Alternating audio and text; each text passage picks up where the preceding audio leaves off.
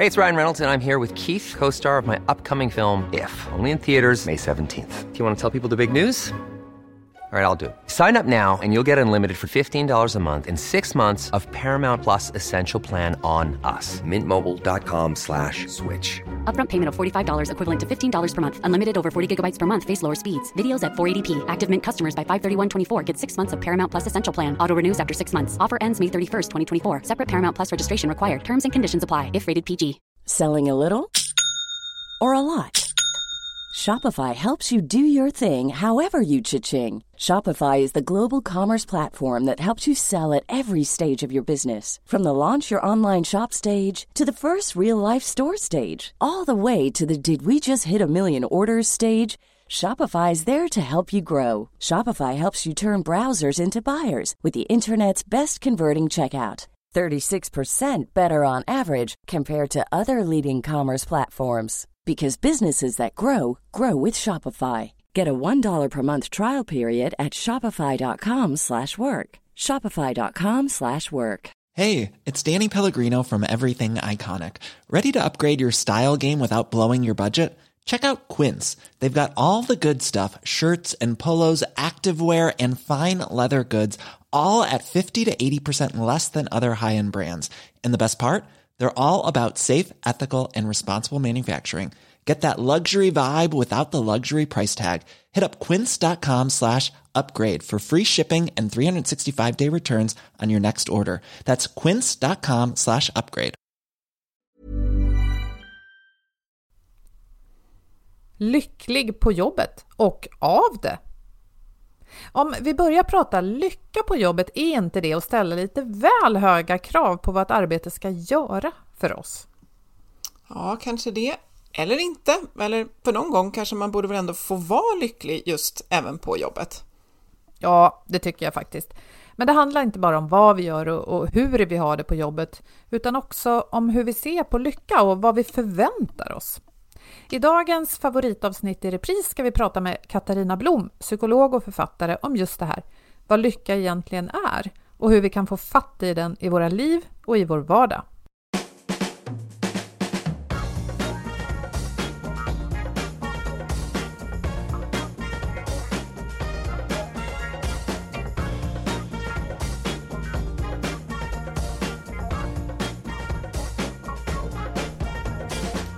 Lyssnar på Health for Wealth. Det här är en podd om hälsa på jobbet. Hälsa, det handlar om så mycket mer än att knapra morötter och springa runt i tights. Ja, för hälsa kan handla om till exempel bra samarbeten, att både ha en tydlig riktning och frihet att agera självständigt och trygga ledare som har tid att leda. I den här podden tar vi ett helhetsgrepp på hälsan på jobbet. Allt ifrån hur vi hanterar gränslöshet, digitalisering och stillasittande till hur vi tillsammans bygger arbetsplatser där människor både mår bra och presterar. Och vi är Ann-Sofie Forsmark, jag driver organisationen Oxy Group. Och Boel Stier, kommunikationskonsult. Lyssna på oss för inspiration och idéer varje vecka för dig som är chef, ledare, jobbar med HR och medarbetare såklart. Ja, Boel, hur, ehm, om jag frågar dig, jag brukar inte fråga dig, är du lycklig idag? Men jag frågar dig nu då, är du, är du lycklig idag? Mm. Jag var ju lite beredd på den frågan och, och då hann jag tänka efter och då insåg jag att när jag får ha de här samtalen med dig ehm, och med våra superintressanta gäster så eh, det gör mig lycklig. Ibland är det lite knasigt. Nu sitter jag lite i en konstig situation i, i en garderob för att ljudet ska vara bra. Jag hukar lite, men det gör ingenting. För jag tycker det här känns otroligt meningsfullt och kul och det, ja, det gör mig nog lycklig skulle jag säga. Hur är det med dig då? Nej, men jag tror också det där att det eh, är, är um, ibland är det en känsla som överrumplar en, att man säger men gud nu känner jag mig alldeles fantastiskt lycklig. Men ganska ofta så är det en känsla som jag behöver stanna upp och reflektera och då kan jag känna så här, ah, men nu, nu skulle jag faktiskt kunna känna mig riktigt lycklig och nu väljer jag att göra det. Eh, men det handlar väldigt mycket om att ta perspektiv, för jag kan också eh, skulle kunna öppna en nyhetsflik nu på datorn och läsa hemskheter och sen dras ner i en annan känsla och den behöver jag vara i ibland. Så att, äh, men just nu är jag också, precis som du säger, vi eh, poddar, det känns meningsfullt eh, och dessutom så ser jag era ansikten, vilket jag tycker gör väldigt stor skillnad. Så att, äh, men jag, är, jag är nog, eh, jag känner mig rätt eh, lycklig för stunden. Så. Och nog om och av oss för att vi är så glada att vi kan välkomna vår gäst Katarina Blom. Katarina är psykolog, författare, även en populär föreläsare. Hon har grundat Sveriges första digitala, ska man säga, psykologiska gym och har ett TED-talk som heter You don't find happiness, you create it och det har nu 1,3 miljoner visningar. Lycka är någonting som vi alla behöver och är intresserade av. Välkommen Katarina! Stort tack! Kul att ha dig här. Jag kan tänka mig att du ofta får den här frågan, är du lycklig nu eller är du lycklig ofta? Eller vad frågar folk? Ja, det är, är så sant. Det brukar vara en populär öppningsfråga. Jaha Katarina, så är du lycklig? Och eh, om man har läst eh, min bok eller hört mig prata så eh, vet man att jag är en stark förespråkare av att vi behöver montera ner eh, hur vi traditionellt ser på lycka och att lycka ens är ett sorts konstant tillstånd som bara man gör rätt livsval så kommer vi komma dit. Utan eh, jag vill verkligen att vi ska nyansera hur vi pratar om lycka och välbefinnande och ha en lite mer mänsklig blick kanske. Att just lycka kommer och går och att det verkligen går upp och ner och att det finns något sunt i det. Eh, att det innebär att vi lever ett varierat liv där vi får tillgång till olika typer av känslor. Och det är bra. Eh, jag tänker, eh, ja, ja jag har många, många mer tankar om det. Men eh, så det är klart, som ni har varit inne på, att man kan känna sig lycklig i stunden. Men det är just att ha den här ödmjukheten hela tiden. Att ja, just nu. Men jag vet också att liksom, om fem minuter har jag ingen aning om hur jag kommer må. För det är precis så vårt känsloliv fungerar. Det fluktuerar hela tiden och det ska det göra. Eh, det betyder att vi är levande och att vi pejlar av eh, tankar, känslor, omgivning, relationer hela tiden. Nu kom vi in lite på det där med just kanske vanligaste missuppfattning eller förutfattade meningen. Jag tänkte också på det som jag själv reflekterade med, alltså skillnaden mellan glädje och, och lycka. Hur, hur gör du den distinktionen? Ja, man kan väl säga att glädje är ju en grundkänsla enligt många teorier. Ehm, det finns lite olika tankar om hur många grundkänslor vi har. En del menar sex, en andra nio, en del tolv. Ehm, och det är alltså känslor som alla bebisar har med sig när man föds in i världen. Att det är ingenting vi behöver lära oss utan man kan uppvisa de här känslorna direkt utan att vi har, försöker härma andra. Ehm, och det är känslor som är kopplade till överlevnad och verkligen basala, viktiga för oss. Men sen finns det nyare forskning som visar att eh, vi inte kan dela in så grundkänslor utan att eh, ja, eh, känslor skapas på ett helt annat sätt.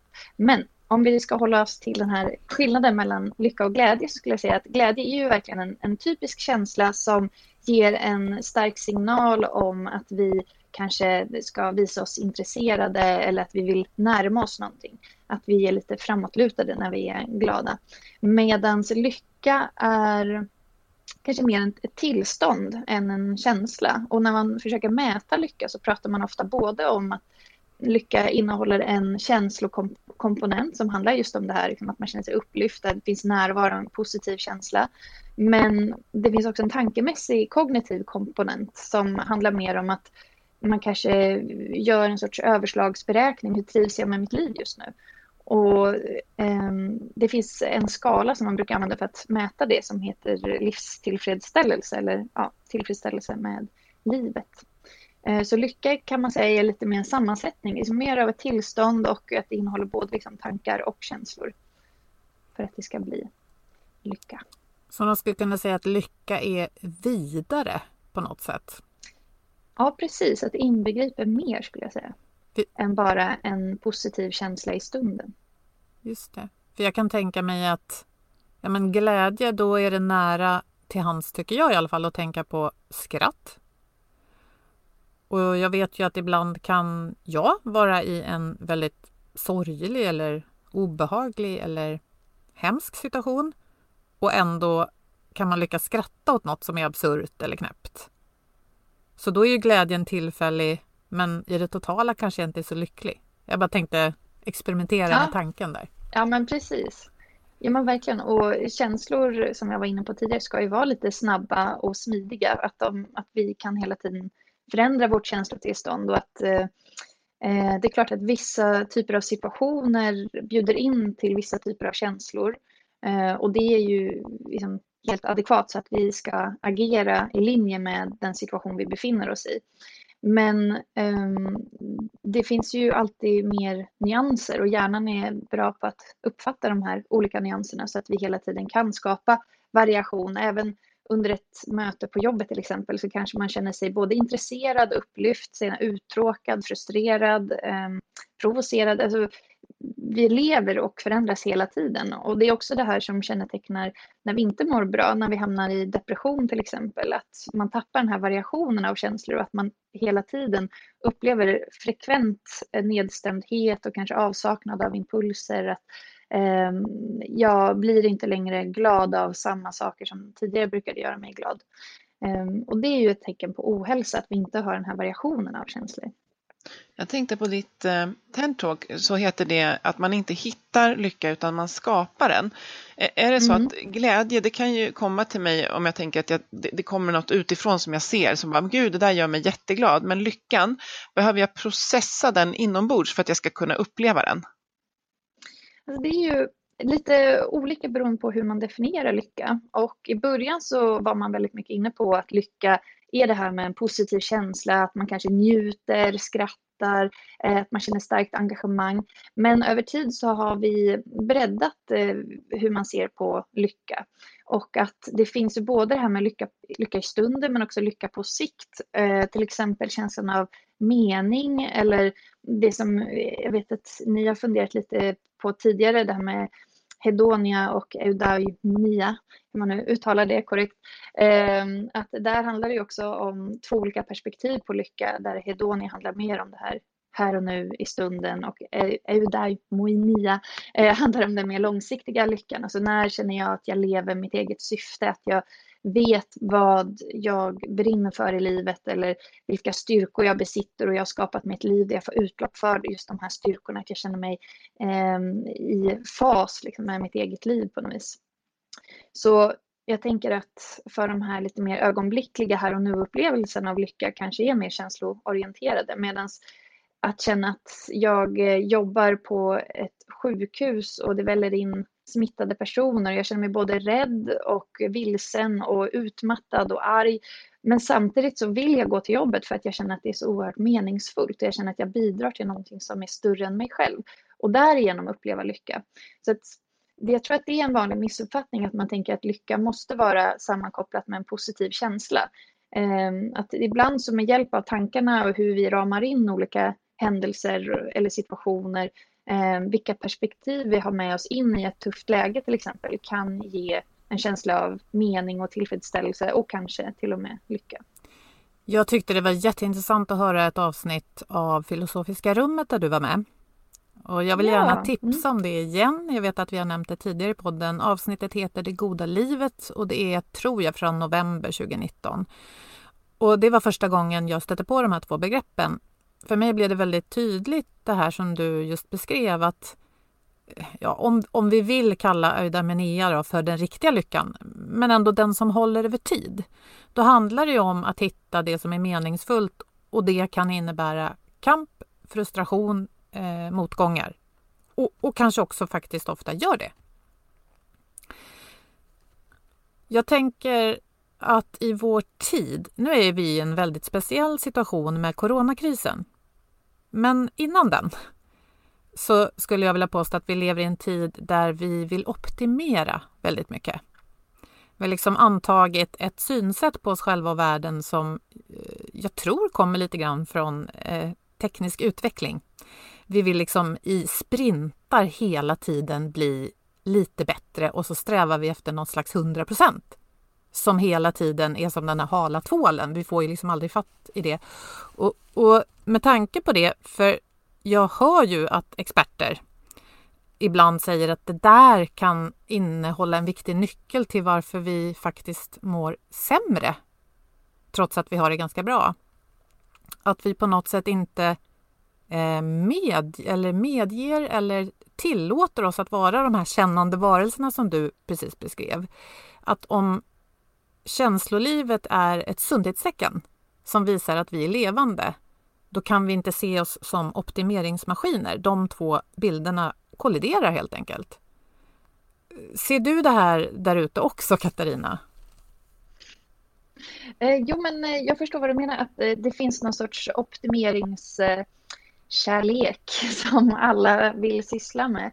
Och jag tänker att det här rotar sig lite i, du var inne lite på digital utveckling och jag förstår där att du tänker lite att eh, datorer kan man uppdatera och optimera och då borde vi kunna göra det med oss själva också ungefär och bli lite mer effektiva, rationella och ja. Eh, och jag tänker att ett annat perspektiv på det skulle kunna vara helt enkelt den här otroligt basala strävan efter mer, efter eh, att ha det lite bättre.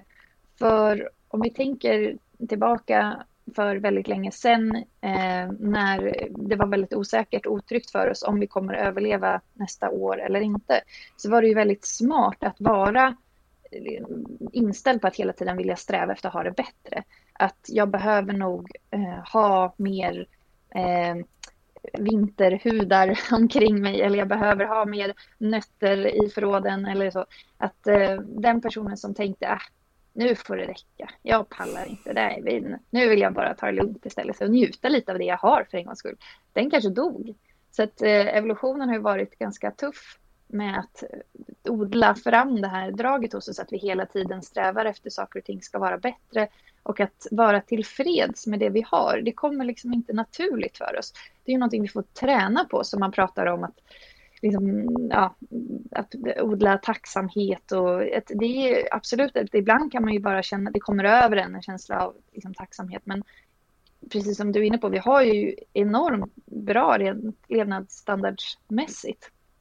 Och ja, eh, det är, det är lite att vi, jag tänker mycket att vi får lära oss hantera vår egen biologi och vårt eget arv så att vi inte lurar oss själva eh, till att tro att vi aldrig duger och vi gör aldrig tillräckligt bra och, och jag skulle kunna gjort och varför gjorde jag liksom, och hela tiden sträva efter att det ska bli en bättre version av mig själv snart.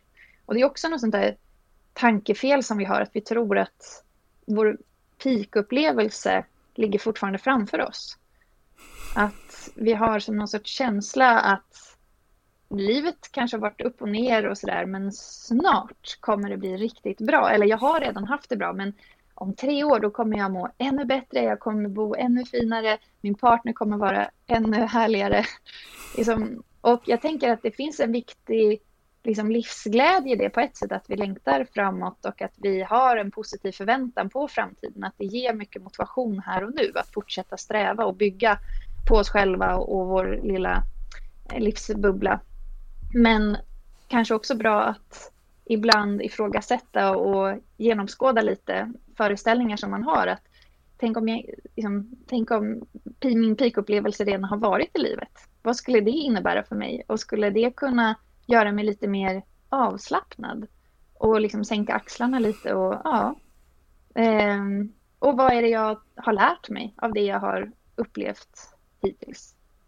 Ungefär. Mm. Um, men det tycker jag, ja, det, hjärnan håller på med många sådana här saker som vi har med oss bara för, som har varit väldigt användbart för länge sedan. Men här och nu kanske vi behöver lära oss att hantera dem. Att det, ja, ibland är det jättebra att bli driven och vilja förändra och förbättra och ibland är det ju läge att bara ah, ta ett andetag och luta sig tillbaka lite mer. Så egentligen kan man säga att de där två hedonia då som faktiskt handlar mer om att just nu får jag faktiskt njuta av det jag har. Mm. Eh, och där man är alltså är sträv efter det meningsfulla. Att det kanske inte är så att den ena är dålig, hedonia, utan den måste också få plats.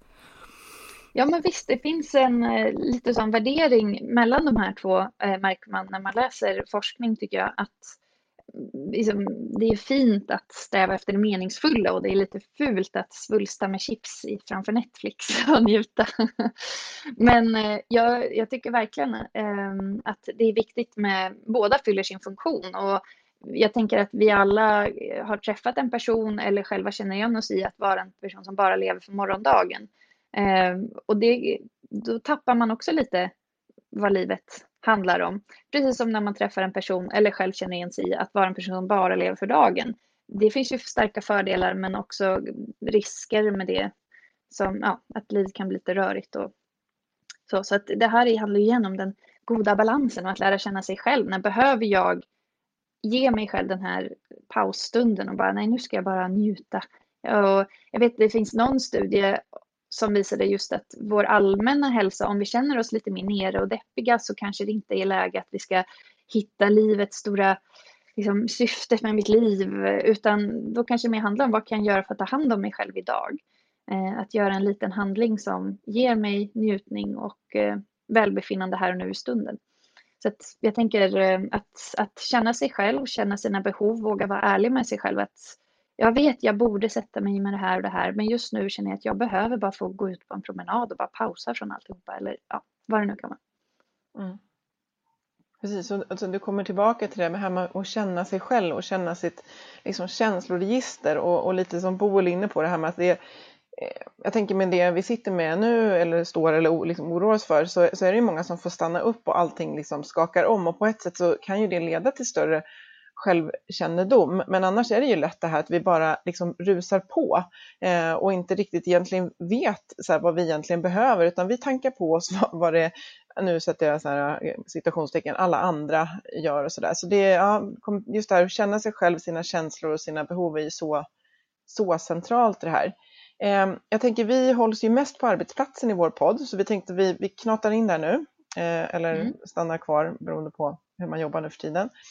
Eh, och ehm, jag kan personligen reflektera över att jag har känt mig ehm, ja, eh, lycka, glädje, otroligt hög meningsfullhet i mitt jobb. Men jag kan också komma ihåg perioder då jag har känt inget av det och massa andra känslor som inte alls är lika, lika trevliga. Men kan man bli, ja uppenbarligen då, lycklig av sitt jobb? Svar ja. Men på vilket sätt kan människor bli lyckliga och känna den här meningsfullheten med jobbet?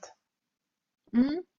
Ja, men här finns det till exempel en studie som menar att hur nöjda vi är med livet generellt så kan hela 25 procent förklaras utifrån hur nöjda vi är med vårt jobb. Så uppenbarligen så spelar jobbet och hur vi trivs där ganska stor roll in i vår livskvalitet som helhet. Så jag tycker eh, också bara man tänker på all timmar, fokus, energi, uppmärksamhet som vi ger till jobbet så kan det verkligen vara bra att eh, vara ärlig med sig själv med vad är det man trivs med med sitt jobb och vad är det man inte trivs med. Vad är det jag skulle vilja förändra? Vad är det jag behöver acceptera? Sådana saker. Ehm, men eh, jobbet ger ju faktiskt en väldigt bra chans för att stärka vårt välbefinnande, speciellt om man ser det utifrån att vi människor har ett grundläggande behov av att känna gemenskap och känna att vi är en del i ett större sammanhang. Eh, och här är ju en organisation perfekt. Att känna att man kan bidra till någonting som är större än oss själva är ofta en sak som ger oss en känsla av mening.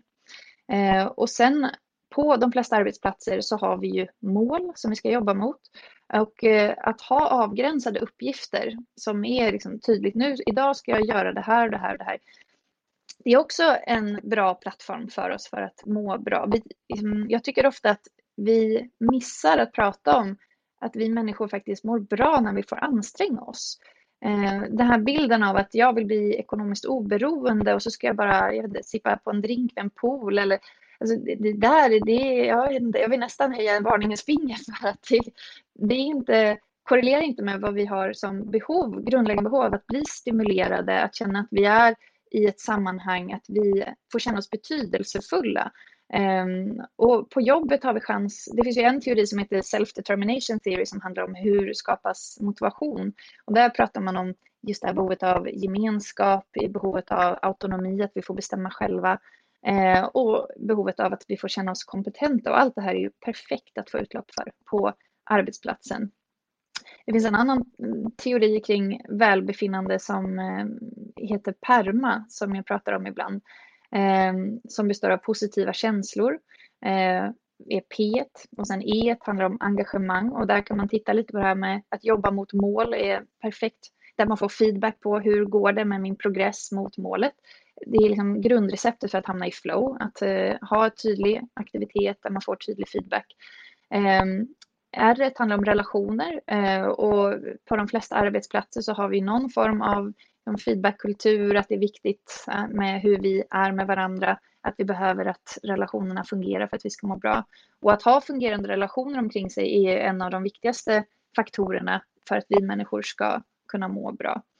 Eh, och här tänker jag att eh, även liksom, i ens egna liv så behöver vi ju arbeta för att få till det här med relationerna. Medan på arbetsplatsen så serveras vi massa relationer som vi skulle kunna eh, fördjupa oss i eller eh, ja, experimentera med, lära oss av varandra och så vidare. Och sen har vi M i PERMA som står för mening som vi varit inne på en del.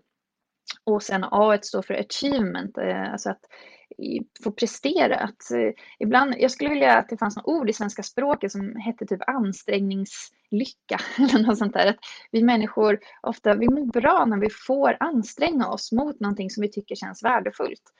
Um, och sen efter A så har vi ett tyst H som står för hälsa, som är den fysiska hälsan. Så det här är ju ett ramverk som man kan titta mm, på arbetsplatsen genom eh, Ehm, utifrån just positiv psykologi och lyckoforskning. Eh, men om man ska titta mer på arbetsplatser som är välmående så har det nyligen kommit ut eh, forskningsöversikter på detta från eh, Myndigheten för arbetsmiljökunskap som är gratis, man kan ladda ner och kika på. Och där har de lite eh, lyft det här med att det är problematiskt att det saknas idag eh, forskning där man är enade om vad är välbefinnande på just arbetsplatsen. Att det är ett ganska spretigt fält och man har inte kommit överens helt om hur olika begrepp relaterar till varandra. Medan eh, eh, att studera mobbning eller hot och våld, eh, skador, risker på arbetsplatsen, det är väl kartlagt och beforskat. Och så här har det sett ut inom psykologin generellt när det handlar om hur vi forskat på människan. Eh, att vi vet väldigt mycket om psykisk ohälsa men desto mindre om psykisk hälsa. Eh, så det man dock kan säga om just arbetsplatsen och att må bra så har man sett till exempel att det är viktigt för oss eh, med just det här med mandat, att man känner att man får påverka sin egen situation. Eh, man har också sett att eh, välbefinnandet påverkas när vi upplever rättvisa på arbetsplatsen. Eh, att vi kan förstå varför vi får till exempel den lön vi får eller varför eh, någon annan får roligare arbetsuppgifter än mig. Att liksom, förstår jag varför det är på det här sättet så kan jag ändå uppleva att det är rättvist. Ehm, och sen har vi eh, till exempel eh, den här klassiska kravbelöning modellen att man känner att det finns en någon sorts jämvikt mellan kraven som ställs på mig och den belöning jag får för att utföra dem. Och då handlar det ju inte bara om lön utan också socialt erkännande eller roligare arbetsuppgifter, vilka kollegor jag får jobba med, mm, hur ser det ut på mitt kontor och så vidare. Och sen att få tillgång till gemenskap är ju också väldigt det kännetecknande för Eh, arbetsplatser som mår bra. Och det har man också sett fungerar stressänkande för oss när vi känner att vi har bra stöd av våra kollegor. Så det här är ju ja, lite olika perspektiv på oss. Och sammantaget kan man säga att det här eh, bidrar till att vi känner oss tillfreds på jobbet, att vi upplever en jobb satisfaction. Jag, tänker det, jag läste också den här eh, sammanställningen från Mynak och eh, som sagt det forskas mer på riskfaktorer och problem samtidigt som vi har väldigt många modeller som krokar i varandra. Self-determination theory, självbestämmande teorin, den krokar i PERMA, eh, den krokar i KASAM, den krokar i eh, kravkontrollsupportmodellen. Så att många av de här modellerna och sen tänker jag även på SCARF-modellen som är en av mina såna också saker som ska finnas på plats. Status, eh, trygg, den heter ju ASSAR på svenska men jag kommer aldrig ihåg. Eh, men de krokar ju i varandra. Ja, så det känns ju precis SCARF, alltså att eh, vi ska känna status, vi ska känna säkerhet, autonomi, relatedness, alltså relationer och sen fairness, rättvisa. Och mycket av det som du tog upp nu, de krokar i varandra. Vi har så många modeller som beskriver faktorer som vi behöver ha på plats. Vi kan om vi reflekterar känna själva exempel på när de här finns och när de saknas. Men jag tänkte just det de skrev med rekommendation för forskning framåt, att ja, vi behöver forska mer på och jag tänker så här, det finns väldigt mycket, se vad du med det här men det finns ju mycket empiri och exempel som vi kan beskriva själva. Att ja, men om, om jag får fundera så kan jag beskriva vad jag behöver på min arbetsplats för att uppleva att det ska kännas kul att gå dit, kul när jag är där och hitta ett sätt att gå hem och, och släppa det. Hur, hur tänker du kring det här med att man tycker att vi behöver forska mer på friskfaktorerna? Vad tänker du? Nej, jag tänker att det, var ju alltså rekommendationen att, var ju det som, det mm. du sa, att det, det, det saknas forskning på mm, jag kommer inte ihåg hur de formulerade det, men många av oss kan ju räcka upp handen och beskriva ja. Eh, Ja. ja, men då tror jag jag förstår.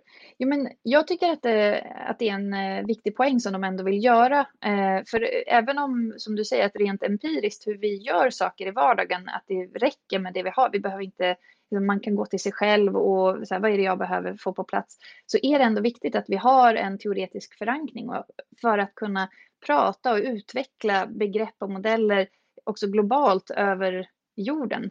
Eh, alltså att olika forskare i olika länder kan kommunicera med varandra eh, och då behöver vi kommit överens om vad betyder vissa begrepp och hur är det vi mäter de här fenomenen. Och ehm, eh, just nu så tycker jag både inom positiv psykologi men också då uppenbarligen inom eh, välbefinnande på jobbet-området så råder en hel del förvirring just hur olika begrepp kopplar till varandra. Och som du säger, alla skapar sina egna modeller och de överlappar till del, inte helt, men de är inte heller helt separerade. Så där tycker jag att det finns en hel del teoretiskt jobb att göra, att liksom städa upp eh, eh för att kunna avancera hur vi pratar eh, liksom ända ner på vardagsnivån. Sen är det ju tack och lov att vi ändå kan ha de här vardagssamtalen och vad behöver du för att må bättre på jobbet? Eh, som att man kan bedriva det här bottom-up också.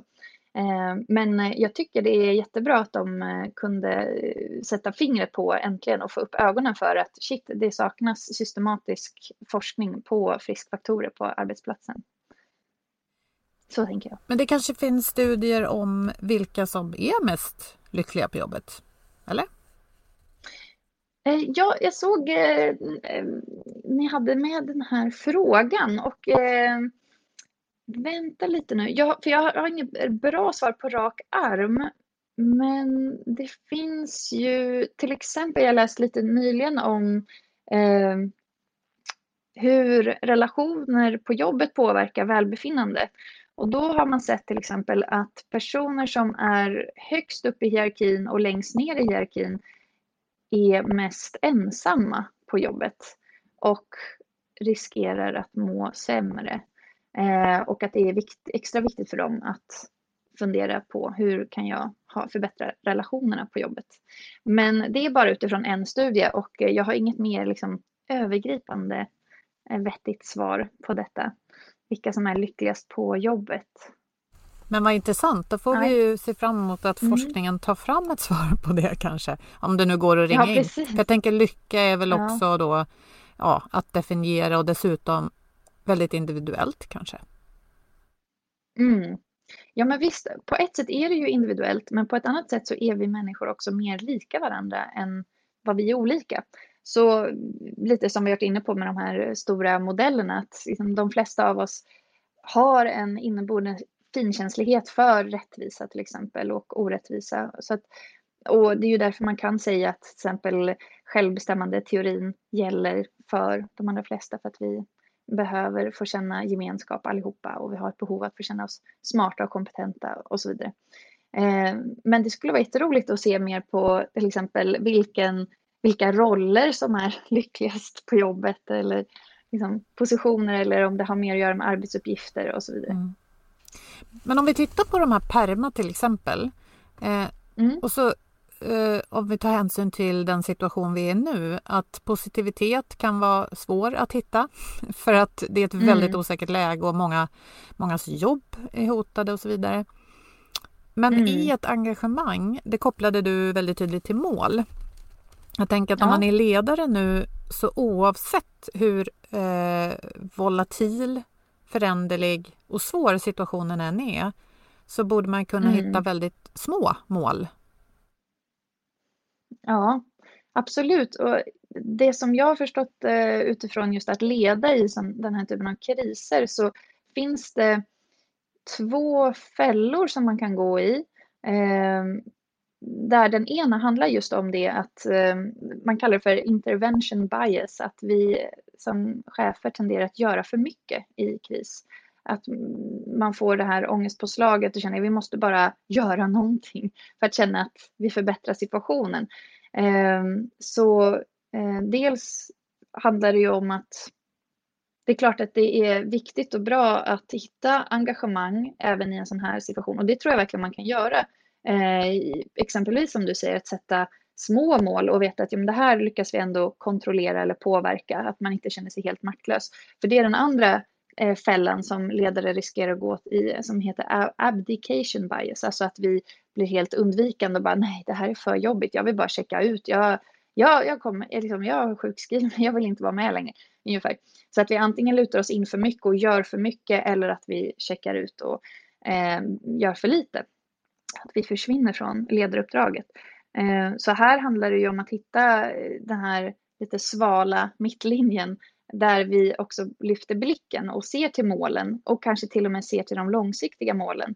Att vad är det som är viktigt för att vi ska kunna liksom hålla i det här och vara systematisk i det som vi försöker göra nu i den här krisen.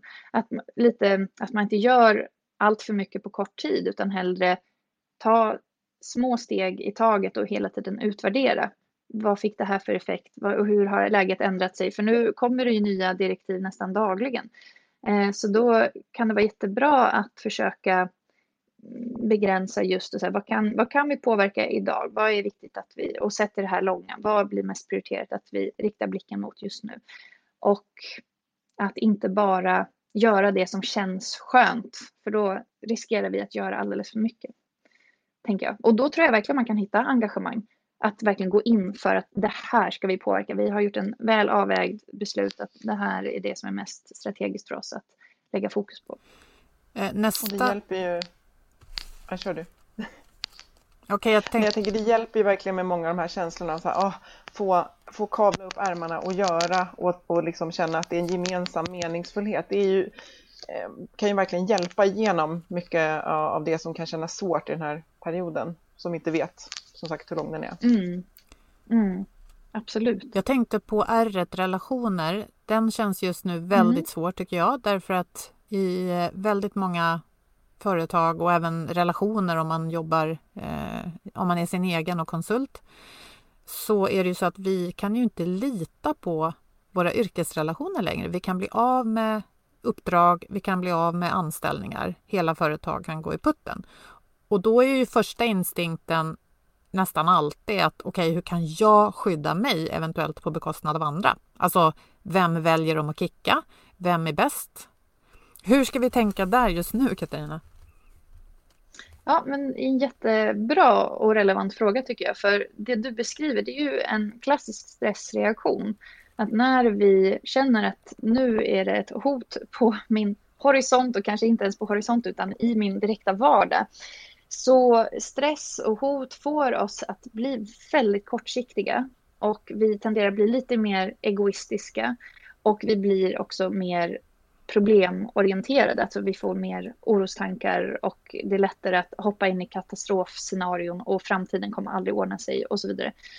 Um, och det här är ju så mänskligt och jag tänker att vi alla varit där på ett eller annat sätt.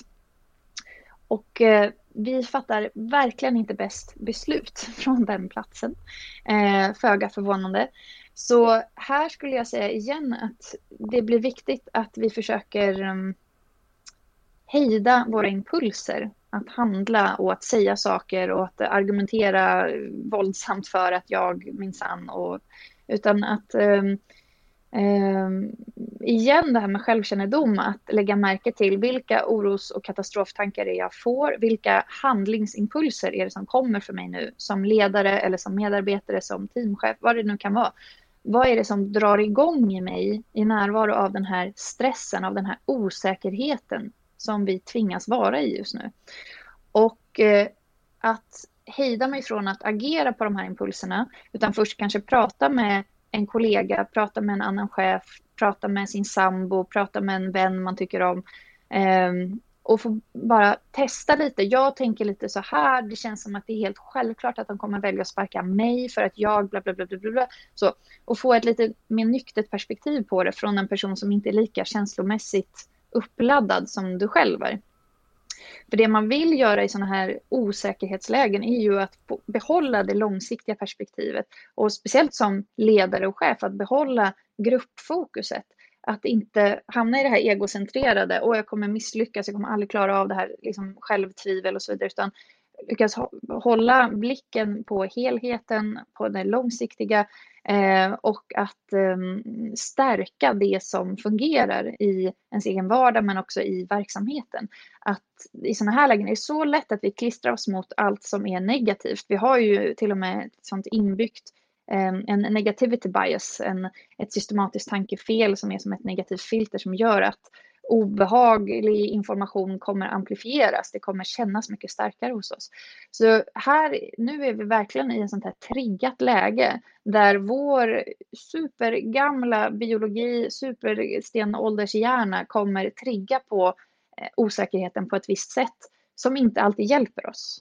Så jag skulle verkligen säga att här gäller det att vara lite så kylig med sig själv, med impulserna och känslorna och försöka inhämta perspektiv från andra, ta hand om den personliga hälsan, alltså eh, träna hemma i, med Youtube eller gå ut och springa eller liksom, ta hand om din kropp för den hjälper att reglera stressen eh, och sen att också inhämta perspektiv från andra så att vi inte går på de här kortsiktiga starka skrikimpulserna som kan komma.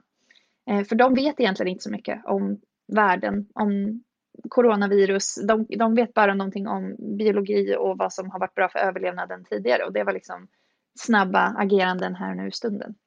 Lite så här känsla och så checklista. Så här, uh, har jag ätit? Har jag rört på mig? Har jag bollar med det här med någon som jag liksom litar på? Har jag satt ord på det jag är på väg att göra nu?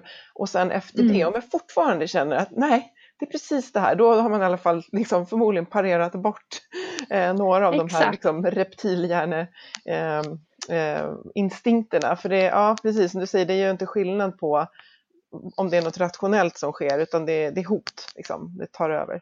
Mm. Men du Ann-Sofie mm, sa, du, Ann-Sofie sa en grej som jag tyckte var väldigt bra formulerat häromdagen apropå det här osäkra läget nu med uppdrag och, och jobb för oss alla egentligen. Att, jag tror det var så här, man säger upp ett uppdrag men man säger inte upp en relation. Mm. Och jag tänkte att den där kan, kan i alla fall jag hålla i, alltså jag kan få stöd i den tanken som du gav mig.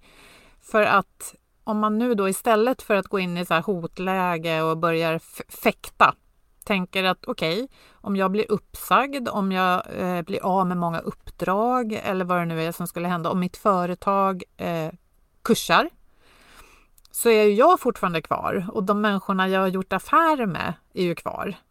Och man kan tänka att men den, de relationerna vill jag behålla. Det kan vi ju göra ändå. Och då kanske det ger ett annat perspektiv, eller vad säger du Katarina?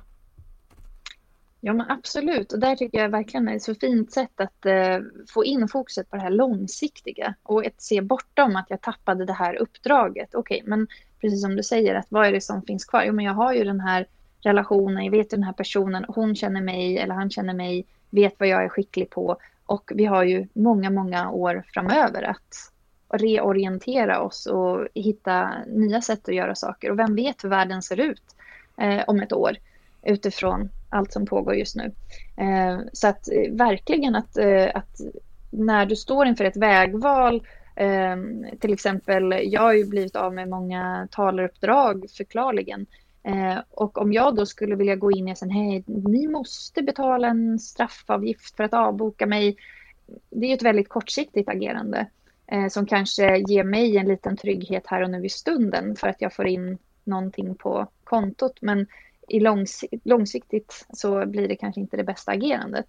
Så där eh, är det ju igen att höja blicken och kanske se mer till sig. Men jag gör hellre ett relationsvårdande beteende här.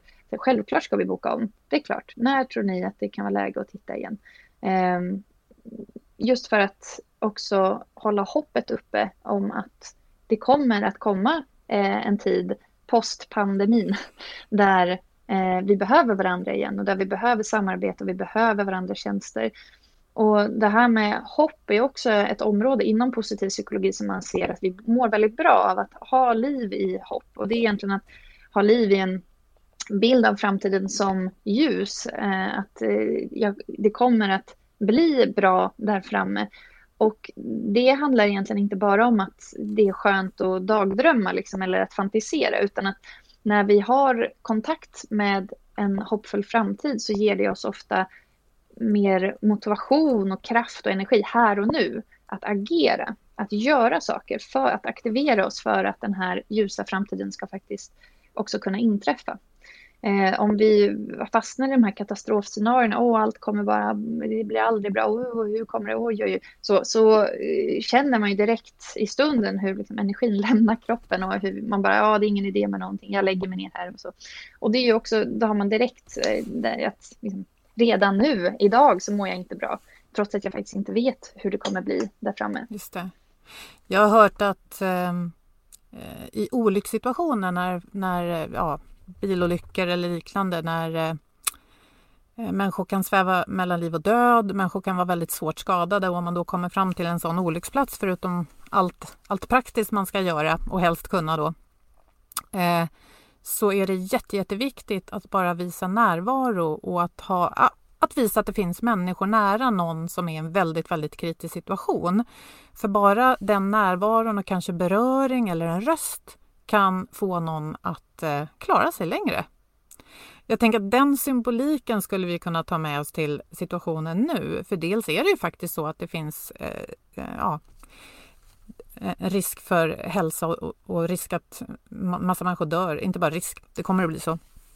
Men också då det här med våra jobb och vad som händer. Att om vi visar närvaro och påminner varandra om att framtiden faktiskt kan vara ganska ljus bara några månader bort, eller som du säger något år, så tror jag att det hjälper oss jättemycket. Så den bilden tar jag med mig. Jag tänker också på det, det här med att värja, vad heter det på svenska, men matar framåt. Jag menar när du gav exempel på Katarina att du var schysst mot eh, en av dina kunder. Alltså den personen kanske lägger på telefonen och så kommer nästa samtal och alltså har ju med sig, gud vad schysst hon var liksom. Alltså vi matar ju, vi är ju, vi är ju social creatures liksom, vi matar ju det beteendet vi skickar ut. Förhoppningsvis fångas upp och så tar nästa person det vidare och bara, men hon innan var ju, nu ska jag vara schysst och vad handlar det om då? Så att vi, vi kan ju verkligen sätta eh, positiva makter i rörelse här.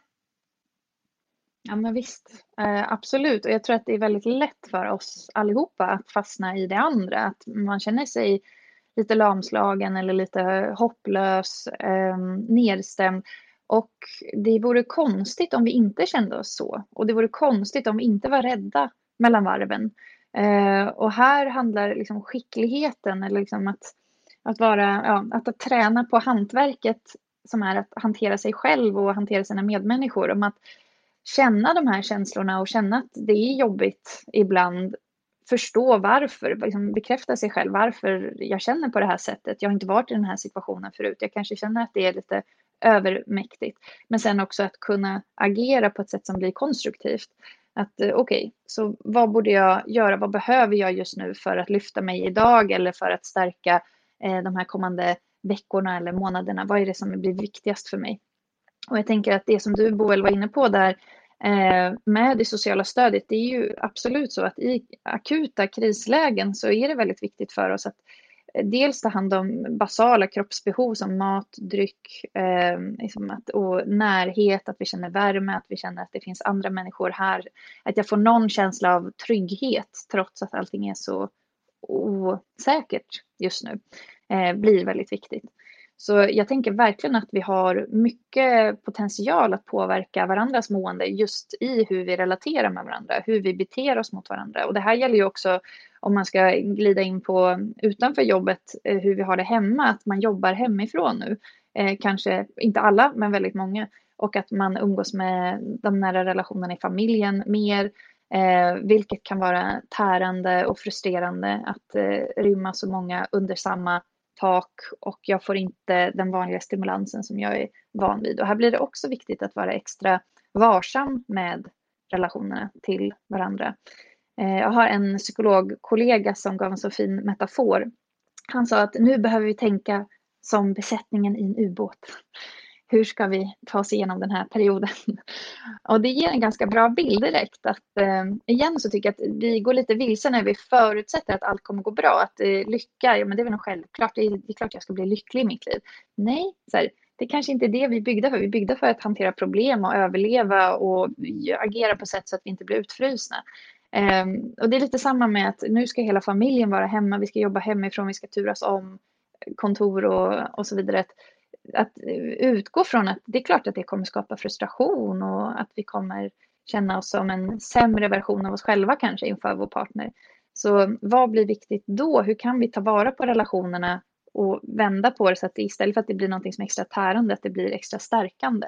Hur kan, liksom, det är kanske är svårt att bestämma över hur min partner ska agera, men jag kan påverka hur jag ska agera. Hur kan jag agera så att min partner agerar på det bästa vis och blir den bästa versionen av sig själv, till exempel. Eh, och det är klart att det går att överföra de tankarna till arbetsrelationer också i möten där man kanske är rädd, spänd, stressad, höjer rösten mot varandra.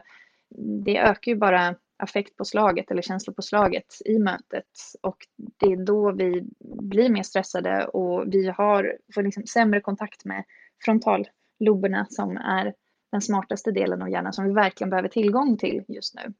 Så hur kan vi agera lugnt även om vi känner oss stressade på insidan för att hjälpa de andra i mötet att också agera lugnt och eh, tänka rationellt och mm. långsiktigt. Den där är ju så viktig och den, den, den kräver ju inget egentligen inköp av någonting eh, utan det går att komma åt den där, vänta nu, så här, vad, liksom, när vi alla sitter och tankar av varandras ansiktsuttryck, vad kan jag göra för att liksom, försöka bidra med eh, lugn och liksom, smitta med det i det här mötet? Det där tror jag många, mm. det, tänk om vi alla eh, gör det när vi liksom går in i nästa mm. digitala möte. Det, det, det, får ju en, en positiv smittspridning i de här tiderna när vi bara pratar om hemsk smittspridning. Jag tänker också att det här stålbadet vi går igenom nu då, som vi inte på något sätt har önskat oss, men eftersom det faktiskt är här, eh, om vi kan lära oss någonting av det just nu, av de här svåra situationerna, så är ju det någonting att bygga på för framtiden. Och det kan ju vara så att vi faktiskt ser både hemma och på jobbet, ja men så här, vad är det egentligen som är viktigt? Ja, vad tror ni? Ja. Absolut. Jag tror verkligen att, eh, jag tycker, alltså utan att förringa allvaret i situationen så, så tycker jag det ska bli spännande att se vilka kollektiva lärdomar vi gör eh, på arbetsplatser utifrån det här sättet att arbeta. Eh, för det är ju väldigt radikalt annorlunda för väldigt många av oss. Eh, så vad är det man vill ta med sig in efteråt när vi återgår? Jag tror inte att allting kommer gå tillbaka till samma utan eh, ja, det blir väldigt spännande att se. Och kanske också vad har vi lärt oss i fråga om stresshanteringsfärdigheter eller relationsfärdigheter? Det är också spännande att se. Förutom att vi då har tagit ett stort digitalt hopp. Vi har, det var någon som sa det att vi har tagit ett sånt där jättekliv i den digitala utvecklingen som bara har tvingats fram. Det är ju spännande i sig. Och Absolut. Eh, lite av det har ju vi faktiskt praktiserat här idag. Jag brukar inte sitta i en garderob och podda, men det funkade ju det också. Jättehärligt att se din familjs klädstil, Boel, härifrån. Nej, nej, mm. Fast det, det, det, är inte alls representativt. Tur att inte lyssnarna ser det här. Just det, det är där du har hängt undan. Ja. Det här är min mammas klänning från 70-talet, den är jättefin. Den tycker du ska ta fram. Du kanske hittar något där inne som du aldrig skulle ha hittat, just på grund av det här. Ja, precis. Nej, men eh, tack så hemskt mycket Katarina för att du ville komma till ja, oss idag. Tack. Jag tog en liten skärmdump av oss också så vi kan se. Ja. ja, men det måste jag också göra som sagt. Man får tänka kreativt. Nej, men tusen tack Katarina och eh, som sagt vi kanske får, eller det får vi säkert anledning att återkomma till ämnet och lite så post post-corona vore intressant ur massa olika vinklar. Så det här ämnet också Absolut. förstås, som vi har lärt oss ja. mer. Så. Haha, vad kul att höra att vi ballade ur lite där på slutet och pratade om vad jag hade i min garderob. Ja, som du inte är i just nu. Nu är du någon annanstans. Men fick du användning för klänningen från 70-talet, din mammas klänning? Nej, tyvärr. Det har ju inte varit så mycket fester det här året av kända skäl. Förresten tyckte jag det var väldigt bra att bli påmind om att det här med lycka inte behöver vara så himla storslaget. Nej, jag, jag håller med och jag tänker att jag har fått eh, perspektiv och fundera kring det här det här senaste året och att se nyanser på lyckan i våra liv. Det, det kanske till och med är just en nyckel till lycka. Ja, verkligen. Och att det finns en anledning till att vi inte bara lallar runt i ett lyckorus hela dagarna. Det här som Katarina sa, att missnöjet har faktiskt också hjälpt oss att överleva historiskt. Det, jag tyckte det kändes bra att höra igen på något sätt. Vi kan liksom inte kräva att våra liv ska vara ständigt lyckliga. Ja, men precis. Och, och det här med att det är upplyftande att vi, eh, vi kan göra en del för att öka lyckan i våra liv och att det inte handlar om att köpa saker utan det handlar mycket om att skapa ett förhållningssätt och göra det till exempel med hjälp av eh, tacksamhet, att känna tacksamhet. Mm. Och uppskatta värdet i att få anstränga oss för sånt som betyder något och som ligger utanför oss själva. Och kort sagt så behöver det helt enkelt inte vara omöjligt för någon att få tag i något slags lycka, åtminstone då och då. Och det känns hoppfullt, hoppfullt tycker jag. Ja, det gör det verkligen och jag tror att vår samarbetspartner motivation.se, det är Sveriges ledarskapssajt, de håller med oss. Och de har flera bra artiklar om både känslor och beteenden och på ämnet lycka förstås. Och den här veckan så tipsar vi om ett filmklipp faktiskt med Mikael Dahlén, mycket sevärt. Han är professor på Handelshögskolan i Stockholm och många känner till honom från bland annat hans sommarprat. Och i den här fina filmen som är ungefär en kvart så berättar han varför vi kan ha anledning att fira att den här pandemin har gett oss en paus och ett tillfälle att tänka efter på hur vi faktiskt vill ha det i livet. Mm. Jag kan hålla med om att eh, vi kan ha behövt den här pausen utan att för den skull fira eh, sjukdom, tragedi och så, så kan vi se ändå de positiva sidor som den här märkliga pausen har gett oss. Ja, vi menar ju förstås inte att fira, han menar ju inte heller det att vi ska fira pandemin, utan Nej. snarare precis eh, ta tillfället i akt med, med pausen som det har inneburit på vissa sätt. Mm. Och det är ett intressant sätt att se på saken tycker jag. Vi lägger länken i avsnittets inlägg som vanligt på vår hemsida eller i din poddapp. Ja, och med det tackar vi våra samarbetspartners Motivation.se och Agda Media för den här produktionen. Följ oss gärna på LinkedIn, kommentera gärna våra inlägg där och säg hej! Och så hörs vi om en vecka igen. Hej då! Hej då!